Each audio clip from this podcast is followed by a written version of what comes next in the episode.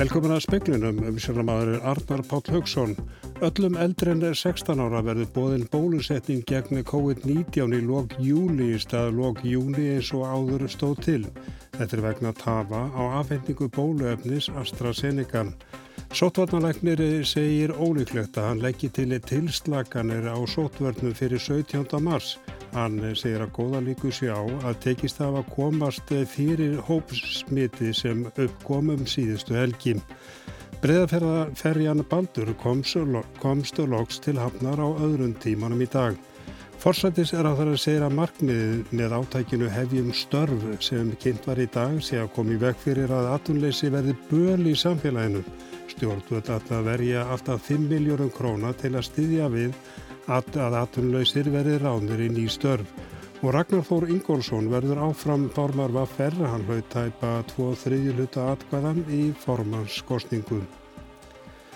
Gettir á fyrir um mánaðarsenkun á bólusetningar áallun stjórnvalda vegna tafa og afhendingu bóluefnis frá AstraZeneca til Európu samstarfsins.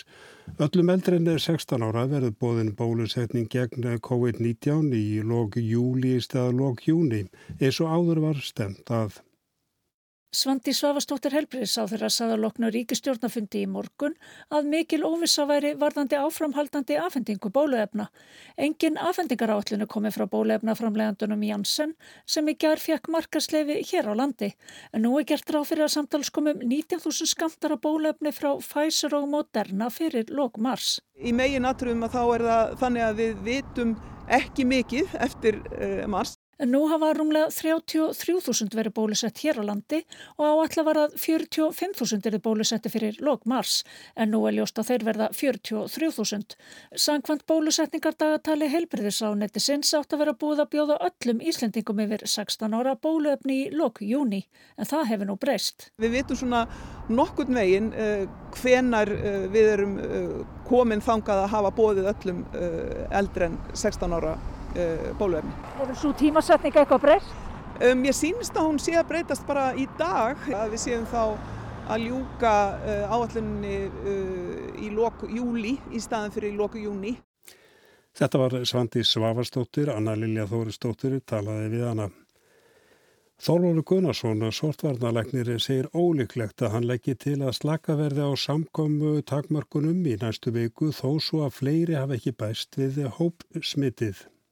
Ekkert smitt greitist innanlands í gær og hafa nú samtal 6 smittast innanlands í hópsmitti sem rækir til komufarþegar sem greindist með breska afbreyði kórnuveirunar í setni skimun. Þúsundur hafa verið skimaðar síðan um helgina. Ekkert smitt hefur greinst í starfsfólki landsbítala eða sjúklingum sem tengdust smituð um starfsmanni. En með að við ekkert smitt í gær þykir þá sótarnalegni að tekist hafi að komast fyrir þetta hópsmitt. Já, ég held að sé svona aðeins í góða líkur á því ég myndi nú kannski ekki alveg vilja fullir það af svo stöldu því að maður þarf kannski að býða svona viku þannig að þetta er svona kannski helgi núna sem maður ræður úrslutum svona svolítið um það en þetta er það bara líklegt eftir sem að dagarnir líða og enginn er að greinast. Ef að þetta fer svo sem horfir, myndu þá leggja til tilslaganir sem ættu þá að gilda frá 17. mars? Mér finnst það nú frekar ólíklegt með það sem er en ég er svona, þetta er þá bara í tekniborðinu sagði Þórála Guðnarsson í vitali við Þórdísi Arljósdóttur. Höfnin í Stikishólmi var fulla fólki þegar breyðaferjan Baldur komst loks til hafnar á öðrum tímanum í dag. Þegar Baldur kom í land hafðu 20 farþegar og áttamanna áhöfn verðum borð í Rúman Sólarring eftir að vélinn bilaði. Gunnlaugur Grettisson, framkvæmdastjóri Sæferða, segir að það komi til greina að Herjólfur eldri leysi Baldur af þar til hann kemst í lag. Næsta skref sé að greina bílunina í ferjunni. Það var skipt um turbínu í, í fyrra því að svo gamla var, var búinn og þá var það aðskottarlutur sem fer inn í turbínun og skemmur hana. Nú ætlum ég kannski ekki alveg að þykja skunna þessi fræði alveg en, en það er svona eins og fyrir mér líst og, og það er svona verið að geta sér til um það að það sé það sama. Leiknir Fannar Tórótsen er einn af farþegunum 20. Hann segir að það hafi leið merkilega vel á fólki og áhöfnin staði sig með príði. Hann vonast þó samt til að þurfa aldrei aftur að sigla með baldri. Mér finnst aldrei gaman að hörast með baldri. Þetta er leiðindarsbátur, þessi bátur sérstaklega, það er sér hreinu. Og hérna og, og en að vera í 27 klukkutíma á reki í þessum bát. Og sem betur fyrr bilaðan þarna sem hann bilaði, þannig að það bara enda, enda upp á skeringstar það er bara þannig. Bátur með eina aðalvel og, og, og hann bara stoppi þar í breðfyrirum, ég veit ekki hvað er mörg, margar eigi er að skera hérna, það er út um allt. Þetta er ekki nokkur manni bjóðandi. Saði leiknir Fannar Tórótsen, Hildur Margreti Jóhannsdóttir tók saman. Breska auðrækis er áðunetti hvetur alla breska ríkisborgara til að forða sér sem fyrst frá Myanmar. Í tilkynningu sem gefum var út í dag segir að pólitísk spenna í landinu fari vaksandi eftir valdarán hersins og ofbeldi færist í aukana. Fimm fjölumilamenn voru ákerðir í dag. Þeir eru meðal annars sakaður um að dreifa falsfréttum um ástandið. Samæniðu þjóðurnar hafa heimildir fyrir því að yfir 70 almennir borgarar hafi verið myrtir frá því að hérinn stefti líðræðislegri stjórn Mjanmar af stóli 1. februar og tók völdin í sínar hendur. Sérfræðingur þeirra í málefnum landsins segir vísbendingar um að öryggisveitir herrstjórnarinnar séu að fremja glæpi gegn mannkinni með morðum, mannránum og pyntingum til að halda völdum. Fimm fjölmiðlamannum var í dag byrt ákæra fyrir um fjöllunum mótmæli líðræðir sinna gegn valdaráninu. Þeir á meðalir ljósmyndari að PF-réttastofunar. Þeir eru sakaður um að valda óta, dreifa falsfréttum og reka áróður beint eða óbeint gegn opimberum starfsmönnum. Fimmenningarnir eiga að tvækja til þryggja ára fangelsi yfir höfði sér. Herstjórnin byrti enn eina ákjæruna á hendur Aung San Suu Kyi í gær að hafa þegið jafnverði 76 miljóna króna og 11 kíló af gulli af aðsta stjórnanda í Angun hér aðs. Verjendi hennar segir ákæruna ólögulegan róburð Hvað svo sem segja megi um svo ký þykjun ekki gafir af þessu tægi. Áskýr Tómasson sæði frá. Katrín Jakobsdóttir fórsættisraðara segir að markmiði með átækinu hefjum störf sé að komi vekk fyrir að atvinnleysi verði böl í samfélaginum. Stjórnvöld ætla að verja alltaf 5 miljónum króna til að styðja við að atvinnleysir verði ránir inn í störf. Minni fyrirtæki sveitarfjölu og félagsamtök geta nýtt sér þessar leiði til að ráða fólk sem hefur verið lengja án atvinnu. Já, þessar aðgerir eru ætlaðar til þess að tryggja að langtíma atvinnuleysi verði ekki böl í okkar samfélagi. Þannig erum við að horfa sérstaklega á þau sem hafa verið lengja á atvinnuleysi skrá að uh, það sé stuðlaða því með þessum skýru aðgerðum ríkistjóðnarinnar að þau komist aftur út á vinnumarkað og verði þannig bara hluti af þeirri nöðsynlegu viðspilnu sem þarf að verða í íslensku samfélagi. Þetta eru mjög góð tíðindi. Við hlökkum alveg mjög mikið til að takast á við þetta verkefni. Þetta er allt önnu líðan að vera að takast á við það og eiga þátt í því að koma aðtunulífin á stað aftur og taka þátt í þessari viðspilnu sem ég held að sé verið að flýta mjög mikið fyrir með þessum aðgerðum. Í stað þess að fyrir árið síðan voru við í þeim spórum að taka við fólki beigðu og brotnu vegna þess að atvinna var að fjara undan þeim. Þetta var önnur Sverristóttir, fórstjóri vinnumálastofnunar, áður heyrðist í Katrinni Jakobsdóttur og nána verið fjallað um síðar í speklinum. Ásmundur Einar Dadarsson, félags- og barnamálar á þeirra telur launahækkunu fórstjóra upp á 370.000 krónur á mánuði, ekki venjulega. Hann segist talsmaður þess að bæta við einu skattrepi fyrir hæstu laun. Þetta kom fram í máli ásmundar einars á alþingi dag en það var Guðmundur Ingi Kristinsson, þingflóksformaður flóksfólksins, sem spurðir á þeirra um afstöðu hans.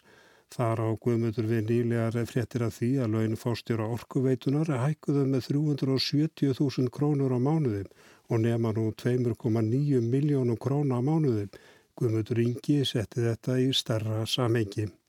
Þá er fólk sem þarf að lifa á rúmlega 200 krónum mánuði í almann tryggjarkerfinu að verða fyrir skerðingu upp á 68.000 krónum mánuði vegna maka eða bara vegna þess að barnið er að verða 18 ára gammalt. Og segja fyrst varðandi launahækkanir sem berast af fórstjórum í ofinberu rekstri þó að þessi kannski ekki beint undir ríkið engöngu að, að mér finnst það ekki verjanlegar og ég er bara sammóla háttur til þingmanni með það. Ég hef sjálfur verið talsmaður þess að, að við bættum við einu skattþrepi gagvart hæstu launum í þessu samfélagi. Sæði ásmutur einar Daðarsson og Guðmundur Ingi Kristinsson á undan honum. Issa Sigurðardóttir hlauti síti þessi blóðdroppan verlun hins íslenska glæpafélags fyrir bestu glæpasuguna 2020 bráðina verlunin voru aðfendi í borgarbókarsafninu í grófinni. Stjórnvöld ætla að verja alltaf 5 miljóðum krónu í átækið hefjur störf sem kynnt var í dag. Markmið er að tilverði alltaf 7000 störf. Í mjög stuttum áli geta lítil og meðalstór fyrirtæki sem eru með færri en 70 starfsmenn, sveitarfélag og félagsamtök sótum stuðnin til að ráða fólk sem hefur verið án atvinnum í tól mánu eða lengur. Stönningurinn með hverjum nýjum starfsmann eða nýju starfi er tæpar 473.000 krónur á mánuði í alltaf halvt ár og að auki 12,5% framlag í lifirisjóð. Uppæðin er nú svo sama og atvinnlausir geta fengið þegar þeir eru á tekjutengdum atvinnleisinsbótum. Þá er búið átak sem er kynnt verið brálega til að skapa störf fyrir námsmenn í sumar. Katrin Jakobsdóttir er fórsættistráður að bindur vonir við að þessar aðgerðir skili árangri. Já, þessar aðgerðir eru ætlaðar til þess að tryggja að langtíma atvinnuleysi verði ekki böl í okkar samfélagi. Þannig erum við að horfa sérstaklega á þau sem hafa verið lengi á atvinnuleysi skrá að uh, það sé stuðlaða því með þessum skýru aðgerðum ríkistjóðnarinnar að þau komist aftur út á vinnumarkað og verði þannig bara hluti af þeirri nöðsynlegu viðspilnu sem þarf að verða í íslensku samfélagi og eins og ég kom að hér áðan þá byrtir til, við erum að sjá bólusetningum vinda fram ekki bara hér á landi, heldur í heiminum öllum. Við munum sjá ferðarþjónustuna fara af stað. Og þessum aðgjörnum er síðan ætlaði raun og veru að styðja við þessa viðspilnu og tryggja það að langtíma atvinnuleysi verði ekki þetta samfélagslega böl sem það getur orðið annars. Ásmundur Einar Dalarsson félagsmálar á þeirra kynnti átakið í húsækinu vinnumálastofnunar í dag. Hann hvetur líka fyrirtæki til að nýta sér svo kalla ráðningarstyrki. Þeir hafa verið við líði allt frá stopnunu vinnumálastofnunar. Þeir ferast í því að fyrirtæki og sveitarfjörug sem geta skapað eða búið til ný störf eiga kost á að ráða þá sem er á atvinnuleysi skrá og þeir halda áfram í tildingi tíma í sex mánuð að fá bætur en atvinnureikandin greiði þeim það sem upp á vandar til að uppfylla ákvæði kjærasamninga. Nú eru bóðuð að auki ný leið, stuðningur upp á tæpar 473.000 krónur á mánuði. En hver er munurinn á þessum tveimur leiðum? Við erum í rauninni að hveta til þess að núverandi ráningastyrki séu nýttir. Það er hluti af þessu átaki hefjum störf Eh, að hvetja til þess að núverandi ráningarstyrki séu nýttir en við erum síðan að vika það út uh, í ljósi ástandsinn sem er á vinnumarkað og ljósi þess að við viljum sjá ennst í sterkari viðspilnu þá erum við með þrýþættum aðgerðum að útvika þá. Í fyrsta lagi er, uh, erum við að koma með sterkari kvataðagerð til lítill og meðalstóra fyrirtækja þannig að ef að þau ráða til sín starfsmann sem er búin að vera atvinnlus í 12 mánuða lengur þá fáu þau herri fjárhæð heldur en hefðbunni ráningastyrkir hveð áum. Í öðru lagi, gagvart sveitafélögum og ofinberum stofnunum erum við að segja við ætlum jáfnframt að greiða þessa herri styrki til ykkar ef að þið takið einstaklingar sem að hafa verið eh, atvinnulausir eh, er á síðustu sex mánuðum bóta tímabilsins og í þriðja lagi sem að er eh, talsverð nýjung líka við erum að hvetja frjáls félagasamtök til þess að koma inn eh, og fá þessa hærri styrki líka auk álags Þannig að það má segja það að við séum að taka núverandi styrki og vika þá út tímabundi til afmarkashóps, lítill og meðastóra fyrirtækja, eh, stofnana og sveitarfélaga og frjálsra félagasamtaka vegna þess að við viljum ná enn en betri viðspilnu frá botninum uh, uh, heldur, en, heldur en verið hefur. Átækið hefjum störf beinist líka sveitarfélagunum, sérstaklega er aðteglinni beinta þeim sem er að falla út af atvinnuleysisbótum og þeim sem hefur ekki tekist að fá finnu eftir að bótatímabilinu líkur. Vinnumálastofnun er heimilt að veita stuðningi alltaf sex mánuði og mögulegt er að lengja hann um aðra sex ef viðkomandi glýmir við skerta starfsketum. Þá er gert ráð fyrir stuðningi upp á tæpar 473.000 krónur á mánuði ef ráð er fólk sem á 6 mánuði að minna eftir að bóta réttinum. Karl Björnsson, framkvæmtastjóri sambands íslenskar sveitarfélaga, segir að þessar aðgerir muni gagnar sveitarfélagunum. Alveg öruglega. Það er mjög mikilvægt að fólk fái störf með þeim launum sem búðan eru þarna sem eru mun herri heldur en fjárhastafstúr sem þau myndu hugsaðlega að fá ef þau fengi enga vinna eftir að missa bótarétt í atvinnlýstringar kerfinu. Þannig í raun og veru eh, hefur þetta þau áhrif að þetta drefur úr vexti útgelda til fjárhásastofar og styrkir í raun útsastótt sveitafélaga og í raun og veru græði allir á sig. En er þessi störf til? Sveitafélagin eru vön að taka þátt í verkefni sem þessu og ég efast ekki um að þau munu og búa til þau störf sem þarf til að þau standi við sitt í þessu. Unnur Sveristóttir, fórstjóri vinnumálastofnunar, fagnar þessum aðgerðum. Þetta er allt önnu líðan að vera að taka stáfið það og eiga þátt í því að koma aðtunulífin á stað aftur og taka þátt í þessari viðspyrnu sem ég held að sé verið að flýta mjög mikið fyrir með þessum aðgerðum. Í stað þess að fyrir árið síðan voru við í þeim spórum að taka við fólki beigðu og brotnu vegna þess að atvinna var að fjara undan þeim. Þannig að þetta mun breyta miklu af þínum aðeins? Mjög miklu og við erum bara mjög spennt að byrja þetta átak og væntum svo mikils að við getum bara fyrir að sjá tölurna lækka og lækka. Sól hækkar og atvinnuleysi lækkar. Katrin Jakobsdóttir er fórsættistarðara er bér sín á að störf verði til og að fyrirtæki og fleiri nýti sér þetta. Ég er mjög bjart sín á það uh, út frá því að þessar aðgerir hafa þetta verið kynntar bæði aðilum vinnumarkaðins og sveitafélögum og ég held að það séu ærin verkefni fyrir hendi, þekki það nú allavega ágætlega af hálfinn svopenbur að það mun verða nóga verkefnum. Þannig að ég er bjart sín á það að uh, bæði fyrirtækin, stofnannir og frjálsufélagsamtökinu muni nýta sér þetta tækifæri. Og þetta getur þetta bara breytt í raun og veru tilverunni fyrir fólk sem hefur verið lengi án atvinnu að fá þarna tækifæri til að fara aftur út á vinnumarkaðin. Því það er meirinn að segja að það hafi verið lengi aðtunljus.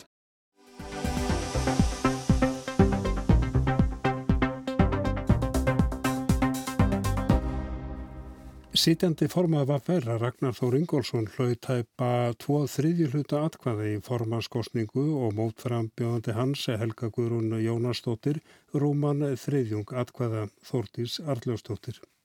Kjörsókn var dræm með að tæp 29%, rúmlega 10.300 á tæplega 36.000 félögum kusu. Kostningaþáttokan er þó betri en í síðustu formannskostningum 2017 þegar 17 af 100 greitu atkvæði. Ragnar Þór var endurkjöðun formaður til tveggjára og hlautur rúm 6.500 atkvæði en Helga Guðrún rúm 3.500. 11 voru í frambáðu til stjórnar í sjö sæti, 2,9 inn í stjórn. Ragnar Þór segist heimilefandi með niðurstöðuna. Við erum að vinna í fullt af málum, það er mjög mikið starf innan félagsins en síðan náttúrulega bara taka þessa niðurstöðu og fara vel yfir hana og tala nú ekki um að sjá hvar við getum gert betur til þess að koma til mótsvið þá sem að hafa kannski verið að sína einhverju óanægu. Saði Ragnar Þór Ingólfsson og þá til Bretlands. Það er komið nýri maður í brúna, öllu heldur nýra á þeirra, breskara samskipta við Európusambandi og skyndilega er öll samskipti fréttaefni eða stöðu fréttaefni. David Frost var aðal samningamæður breyta við Európa-sammatið og á nú að sjá um framkvæmt samningsins. Fyrsta ákvörðun hans storkar ESB í máli sem er þó ekki stórvægilegt. Orðið tröst heyri sífælt í umræðum samband breyta á Európa-sambandsins. Simon Coveney, utarikisráð þeirra Íra, er í hópi þeirra sem telja breytum vart treystandi. The difficulty is that the British government has changed their approach. Uh, and uh, unfortunately, what this means is that the EU, I think, certainly see, and, and this is not the first time this has happened, uh, that they are negotiating with a, a partner that they simply can't trust. Vandin er, saði Kofinei í viðtali við Írska ríkisútarpið fyrir helgi, að nálgun bresku stjórnarinnar hefur breyst, ekki fyrsta skipti, taldan, að ESB þætti það eiga í samningum við aðila sem það gæti ekki treyst.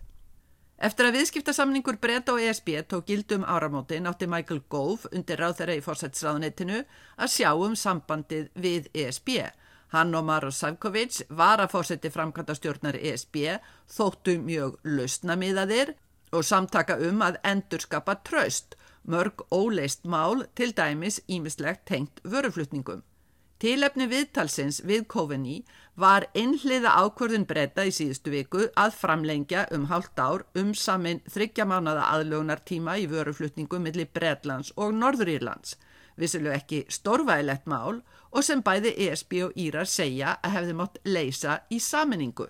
Coveney var þarna spurður hvort breytar hefði skipt um aðferð eftir að David Frost, breski embætsmaðurinn sem hafði leitt viðskiptasamningana við ESB, tók við hlutverki góð. Frost átti að taka við sem öryggisraðgjafi bresku stjórnarinnar nú í lok janúar. Theresa May fyrir um fórsatsráðara mótmælti því ofinberlega að Frost, reynslu laus í öryggismálum, fengi starfið. Nokkrum dögum áður en Frost átt að taka við var annar maður skipaður. Í staðin fekk Frost heldur illa skilgrein starf sem tengiliður við ESB.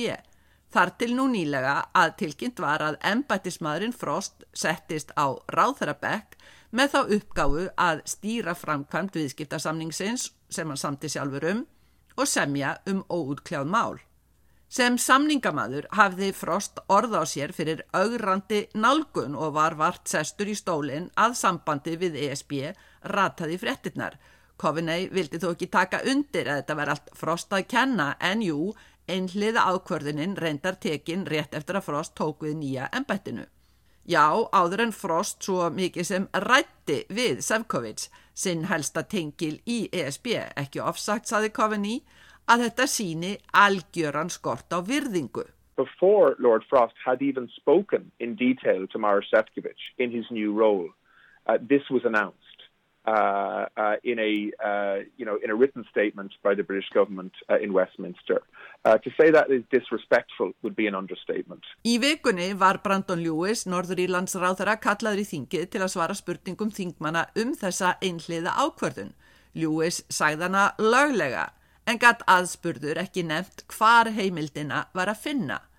Conor McGinn, þingmann í verkamannanflokksins á Norður Írlandi, var heitt í hamsi. Does the Secretary of State think that people in Northern Ireland are stupid? The government said there would never be a border in the Irish Sea. Then they signed up to one. Then they pretended it didn't exist but said that even if it did, sure, it will have no impact anyway. And now they're saying, well, actually, there is one, but we can just ignore it. Will the right honourable gentleman stop taking people for fools? Makkinn spurði ráþarann hvort hann hjaldi að fólk á Norðurírlandi væri vittlesingar.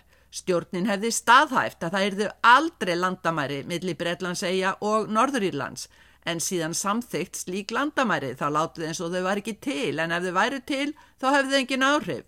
Nú segði stjórnin að jú reyndar þarna væru landamæri en við getum bara leittu hjá okkur. Hvort stjórnin getur nú vinsamlegast hægt að líta á fólk sem einhver fíbl Það þyrti stefnu, sæði McGinn. Rakning McGinns vísar í að Boris Johnson fórsætsráður að hjó á Brexit-nútin sem forverinn May megnaði ekki að leysa í sínum Brexit-samningum við ESB. Engin breskur fórsætsráðra, sagði May, myndi samþykja landamæri milli Írlands og Bredlandsegja, sem Johnson svo samþykti. En rétt eins og makkinn benti á þá hefur stjórnin þráast við að viðurkenna þýðingu þessarar afdreifaríku ákvarðanar. Í þingumræðunum benti Tom Tugendhat þingmaður íhalsflokksins á að sama dag væri Coveney og Savkovic að funda með Joe Biden bandaríkja fórsetta en nei, engin fulltrúi breytaðar. Smá áminningu um að Biden er kannski hliðhóllari Írum og ESB en breytum. Samband breyta og ESB er nú við frostmark einmið þegar báðir aðilar þyrtu að vinna saman að laust mála sem varða afkomu miljóna manna. Í bráð þar breskastjórnin þú ekki hafa áhyggjur af stöðu sinni heima fyrir. Samkvæmt nýri skoðanakonun nýtur íhalslokkurinn 45% fylgis, 13% stegum umfram verkamannaflokkin. Sigrun Davistóttir saði frá. Fyrir nærri 53 árum, í júni 1968, hljóðritaði hljómsveitin The Rolling Stones lægið Sympathy for the Devil, upphafslag plötunar Becca's Banquet sem kom út í desember sama ár. Lagotekstir eftir söngvaran Mick Jagger. Sympathy for the Devil er eitt allra þekktasta lag Rolling Stones, eitt að umdeildasta en að samaskapi eitt mikilvægasta lagi sem Stones hafa sendt frá sér á nærri 60 ára ferli. Arnar Egger Tórótsen, tónlistar spekulant og félagsfræðingur, fjallaði um lægið á dögunum á Facebook síðu sinni. Margir lögðu orði í belg en það stendur mönnum ekki á sama um Rolling Stones.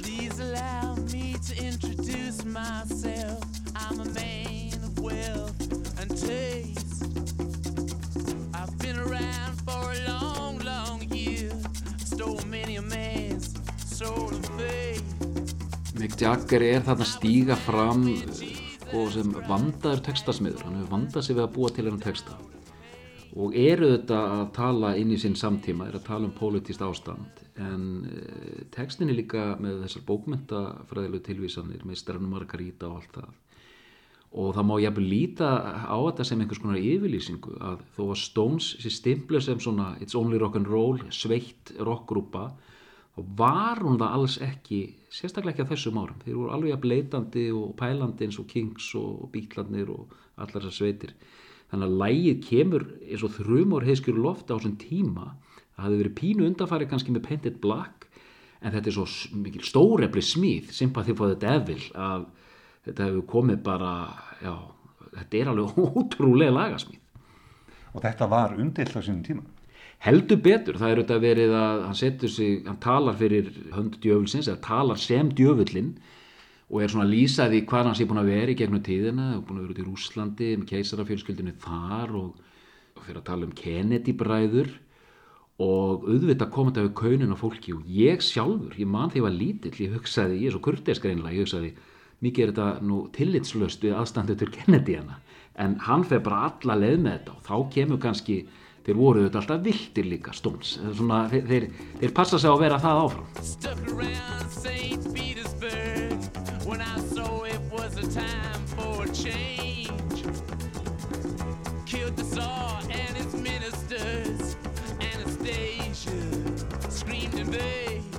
Hversu stórt er þetta lag í rocksjóðum? Rosalega stórt myndi ég segja því að þetta er svo einstakt lag. Bara hvernig lagi byrjar. Þetta er svona afrískar voodoo New Orleans Dr. John trommur þarna. Byggingin er svo förðulega svona transnaumhyggja einhvern megin. Við getum nánast talað um verk frekar en lag. Og oft er litið til þessa lags sem í rauninni hápunkturinn á ferli stóms þekktast þið kannski fyrir rock og roll? En þetta gáttuður Talar þetta lag til samtímas? Algjörlega og þó að Stones hafi verið svona hvítir miðstjættar London uh, menn þá ég gaman að fá svona harðari lög í dag þar sem menn taka svona harða afstöð menn hafa gaggrind Mick Jagger hann hafi verið dálutið að svo í sletti svona pósa svolítið en mikið er þetta sko hressandi að menn svona nýti sér líka sína stöðu sem þið gerðu þetta líka með Street Fighting Man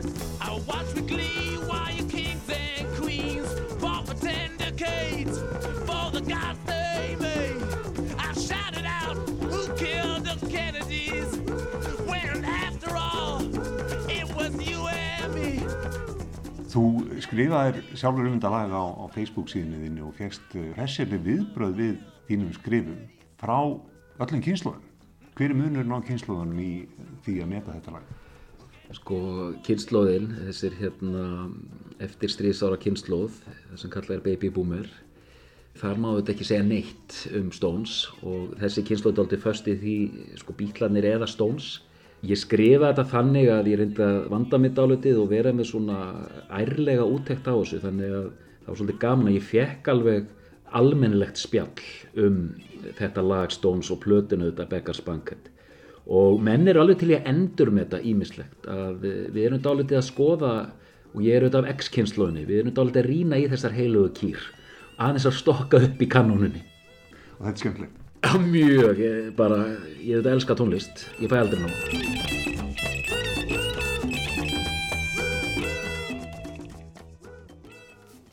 Og þarna heyrðum við í Rolling Stones og það var Kristján Sigurjónsson sem að talaði við Arnar Ekkert Tórótsen. En við lítum snöggvast til veðus, norrlæg átti 10 til 15 metrar á sekundu en norðvestan 15 til 23 austan örafa og austfjörðum. Snjókoma eða jél fyrir norðan en bjartverið sunnan til á landinu. Og það dregur á vindu og áfangum á morgun, norrlega 8, 8 til 15 annar kvöld, frost 0 til 6 stig en hiti 0 til 6 stig við söður ströndina. Og við sögðum meðan annars frá því í speiklunum að öllum eldre en 16 ára verður bóðinni bólusetning við COVID-19 í lók júli í staði lók júni eins og áður stóð til. Þetta er vegna tafa á aðfindingu bóluöfnis frá AstraZeneca. Og sótarnalagnir segir ólíklegt að hann leggji til tilslaganir á sótvörnum fyrir 17. mars. Hann segir að góðar líkur séu á að tekist af að komast fyrir hópsmitið sem kom upp um síðustu helgi. En það kom á lokum hjá okkur í dag og þessari viku. Magnús Þorstein Magnússon var tæknumadur. Verið sæl og góða helgi.